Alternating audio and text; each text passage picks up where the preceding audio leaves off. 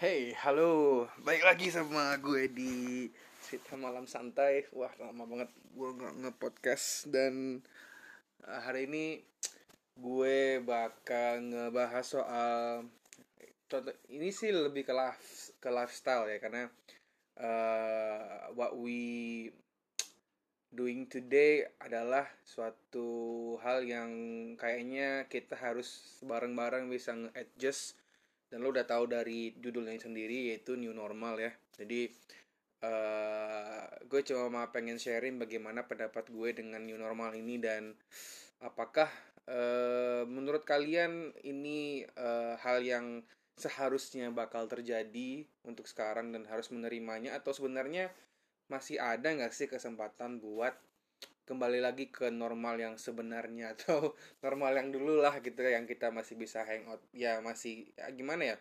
Sebenarnya ada sisi positif yang bisa kita ambil dari normal ini dan bisa kita terapkan di normal life yang sebelumnya gitu loh. Jadi ya apakah ini jadi hal yang harusnya kita uh, support atau gimana? Gue gak ngerti. Cuman uh, di sini gue coba pengen memberikan pendapat gue secara manusia biasa ya yang merindu dengan keadaan uh, kehidupan normal yang biasa bukan yang new normal. Tapi ya karena mungkin uh, penyakit yang udah kita tahu yang kita tahu cukup masih belum bisa tahu nih apakah kapan hilangnya khususnya di Indonesia uh, gue semoga sih dengan podcast gue ini kita bisa berdiskusi bareng soal ini. Dan kalau ini gue share di Instagram ataupun di Spotify mungkin lo bisa DM gue bagaimana uh, pendapat lo dengan new normal ini. So uh, we have another perspektif uh, untuk uh, menghadapi new normal ini ya.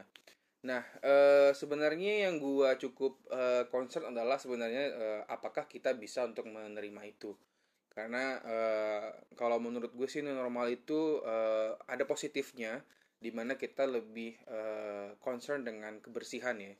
Terus hygiene dari suatu produk atau mungkin kita ke tempat makanan kita harus tahu nih dia udah pakai protokol new normal belum gitu kan. Tapi ada hal-hal lain yang kayak mungkin contohnya yang paling gampang itu ya kayak uh, nongkrong gitu kali ya. Nongkrong aja sekarang itu kayak berasa aneh gitu gak sih? Kayak kita tuh kayak nggak jadi lebih asik gitu loh buat ngobrol terus jadi lebih jadi aware gitu mau ngumpul-ngumpul tuh aware aja gitu kayak kayak belum 100% bisa dilakukan dengan uh, leluasa gitu. Jadi kayak nongkrong itu jadi jadi nggak ada gitu. Kayak gue tuh gimana ya karena uh, kayak gue mungkin kayak suka nongkrong gitu kan ya sama teman-teman gue ya minimal dua sekali dua minggu lah itu kan. Pasti kayak ke kafe lah atau mungkin sekedar cuma ke ayam geprek gitu atau ke mana gitu kan. Yang penting uh, gue bisa merilis kebosanan gue atau mungkin uh, kepenatan gue di rumah atau mungkin di kantor gitu kan. Jadi akhirnya sekarang harus jadi banyak yang dikompromi gitu loh. Banyak hal yang harus dikompromi dan akhirnya kita harus menerima itu. Dan memang it's for the apa ya greater good ya. Cuman uh, kayak apakah ini bakal akan selalu terjadi seperti ini terus? Apakah ada kesempatan kita buat balik lagi ke normal yang lama cuman kita ambil intisari intisari yang bagus-bagus dari yang normal ini. Karena menurut gue cukup oke okay sih apalagi khususnya di bidang makanan ya. Atau mungkin di bidang-bidang yang cukup harus uh, uh, orang kontak dengan suatu produk dan diberikan kepada orang lain. Itu kan pasti kan harus tahu nih apakah dia bersih kah atau mungkin ada kumannya lah. Jadi maksudnya sampai segitunya harus di apa harus di apa harus di manage ya dari segi jadi uh, ada nanti ada ada apa namanya standar baru yaitu uh, quality produk yang sangat baik gitu loh. Karena uh, apa pun produknya itu harus hygiene even lo beli sepatu pun harus di close bang harus di close kan harus dikasih semprotan disinfektan ya kayak gitu-gitu itu yang menurut gue sih cukup uh, baik untuk dilakukan nanti kalau misalnya nanti uh, corona ini udah benar-benar nggak ada dan uh, protokol normal pun akhirnya menjadi suatu hal yang menjadi kesatuan untuk keadaan normal yang biasa. Jadi uh, apa ya? Contohnya sih kayak gue nih ya di gue kan di bidang interior itu kan ya. Uh, sekarang udah mulai-mulai ada yang namanya itu cara uh, apa mendesain kantor yang uh, bisa bilang mencegah covid ya. Atau mungkin uh, desain desain based on uh, new normal things gitu jadi kayak uh, sekarang kalau duduk du, apa konfigurasi duduk tuh nggak boleh yang samping-sampingan yang terlalu deket terus gak boleh hadap-hadapan. Jadi kayaknya bakal bikin tenan-tenan apa namanya uh, mungkin orang yang punya perusahaan gede kali mungkin jadi mikir dua kali bakal nyewa satu gedung lagi eh satu lantai lagi karena uh, mungkin jumlah kapasitas apa kapasitas kapasitas si karyawan itu jadi malah banyak untuk kursinya karena memang nggak boleh uh, sedekat itu kan karena tadi normal tadi. Nah itu bakal berpengaruh kepada efek interior yang menurut gue cukup bisa menaikkan budget perusahaan yang harus menambah lagi lantai baru untuk untuk karyawan yang uh, mungkin terdampak dengan uh, konfigurasi itu ya. Jadi uh, jadinya banyak hal yang tergeser. Jadi kayak cuma gara-gara satu penyakit jadi semua aspek kehidupan tuh jadi apa namanya jadi buyar men. Even ke interior yang mungkin lo nggak paham itu ya atau mungkin lo yang nggak tahu itu pun berdampak. Atau mungkin lo ya sekarang udah mungkin mencoba konsep itu di kantor lo mungkin bisa di sharing kali ya. Tapi emang uh, udah mulai-mulai itu standar itu dikeluarkan dari mungkin uh, beberapa kantor kali ya. Atau mungkin uh, kayak ada standar apa gue lupa gitu temen gue pernah sharing di grup interior gue. Jadi kayak ada satu booklet gitu yang ngejelasin bahwa gini gini gini loh. Jadi kayak di lobby itu harus ada scanning dulu terus uh, bla bla bla lah terus uh, ada sirkulasi sirkulasi yang harus dibedakan lah. Jadi kayak cukup cukup sangat uh, sebenarnya sih bagus sih cuma jadi kayak uh, merubah standar interior yang sebelumnya itu udah common yang kita pakai. Kayak gitu loh. Nah dan itu juga berdampak pada semua aspek kan. Tadi itu interior apalagi kayak mungkin di pasar. Nah, mungkin yang kita sering lihat kan uh, ini sih uh, pendapat gue ya. Pasar Indonesia itu kan kebanyakan uh, tidak se gimana ya gue bilangnya saya nggak mau nggak bersih cuman maksud, maksudnya tidak termanage dengan baik secara placing placing tempatnya dan juga kebersihannya kan.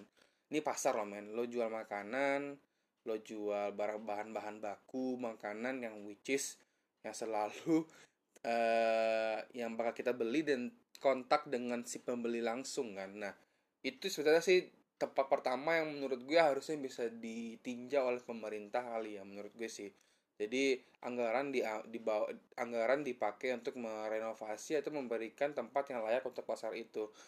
Memang sih uh, gak segampang itu ya cuman at least di, di dicoba gitu loh. Karena uh, kayaknya sih uang, uang apa gimana ya kan kita kan punya apa namanya uang untuk memberikan apa namanya memba, punya uang untuk mem, memberikan fasilitas fasilitas pabrik yang baik kan. Nah contoh di pasar nih.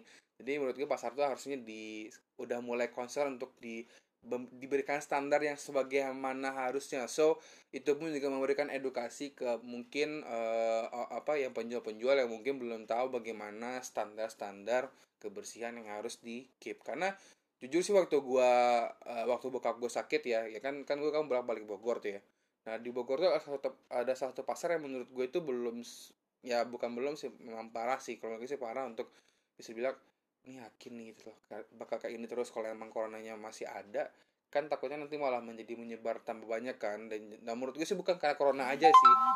Kalau menurut gue sih mending itu dijadikan standar untuk bisa memberikan kualitas produk yang baik kepada masyarakat gitu loh. Jadi ya pasarnya harus dibersihin terus kak si apa si apa orang yang jual juga harus disiplin itu kan dan uh, ya sebenarnya at, at least bersih deh menurut gue sih gitu walaupun orang nggak bisa disiplin yang penting bersih. Dan ada orang yang bisa dibayar untuk atau mungkin keber, kebersihan yang standby itu untuk bersihin tiap hari berkala gitu loh. Karena kita tahu yang namanya juga manusia ya atau mungkin masyarakat kan ya nggak semua bisa diatur mungkin. Tapi at least kita se mungkin sebagai kalau gue jadi pemerintah mungkin ya ini gue cuma pendapat gue doang. Gue pengen tuh bersihin pasar dulu sih karena itu yang paling kayaknya paling berdampak dan paling banyak orang berkumpul itu kan. Karena memang orang harus beli bahan makanan beli makanan terus. Nah itu tuh yang menurut gue harusnya dikonsernkan dulu untuk uh, new normal ini ya. Terlepas dari semua aspek yang juga ada itu kan. Dan gue lihat sih emang belakangan ini sih untuk uh, traffic kerja pun juga udah normal-normal aja tapi memang tidak sepadat. Even pun ya gimana ya gue kan karena kerja di daerah sama Tupang ya. Jadi kayak uh, mau dipotong setengah pun karyawan di kantor pun juga macam-macam aja gitu loh. Kayak gue bingung nih kayak kayaknya harus semuanya dipotong nih. Kayak kayak ada perubahan kayak sama aja kayak macet macet aja gitu. Nggak ada yang harus di adjust nggak ada yang harus di apa pun ya sama aja sih jadi kayak nggak ada bedanya sih mau tuh dipotong setengah karyawan buat masuk terus gantian tuh sama aja sih cuman nih memang yang berasa tuh pada saat di kantornya sih emang berlebih lebih sepi aja sih rasanya karena setengah itu kan. Tapi ya uh, mau gimana lagi karena emang penyakit ini belum ada obatnya yang pasti dan belum ada apa ya uh, because they on the air man gitu loh. Maksudnya di udara gitu loh. Jadi kayak bingung gitu nih ini ke mana penyakit ini sebenarnya pengen ini. Kalau buat hidupnya dia. Tapi um, menurut gue uh, gue sih ambil hikmahnya sih. Karena menurut gue sih normal tuh hal yang baik. Cuman memang gue rindu aja dengan normal yang biasa gitu loh. Karena uh, karena ya gitu. Karena udah udah terbiasa kali dan juga jadinya lebih santai kan dengan kehidupan. Cuman sometimes kesantunan kita tuh kalau kita tidak disiplin akhirnya kayak gini nih. Kayak uh, tiba-tiba ada, ada ada penyakit baru aja gitu kan tanpa kita tahu gitu kan. Dan akhirnya kita baru baru mulai sadar yang kita harus hygiene lah harus ini harus itu harus harus bla bla bla lah. Jadi akhirnya mungkin dengan corona ini semoga sih kita semua aspek kehidupan di sini di, di, di bumi ini bisa menghargai soal kebersihan. Terus uh, apa namanya uh, kualitas produk tuh penting terus juga kita harus bisa beradab bersin batuk. Kalau mungkin sakit ya udah di rumah aja. Recovery dulu sampai sehat.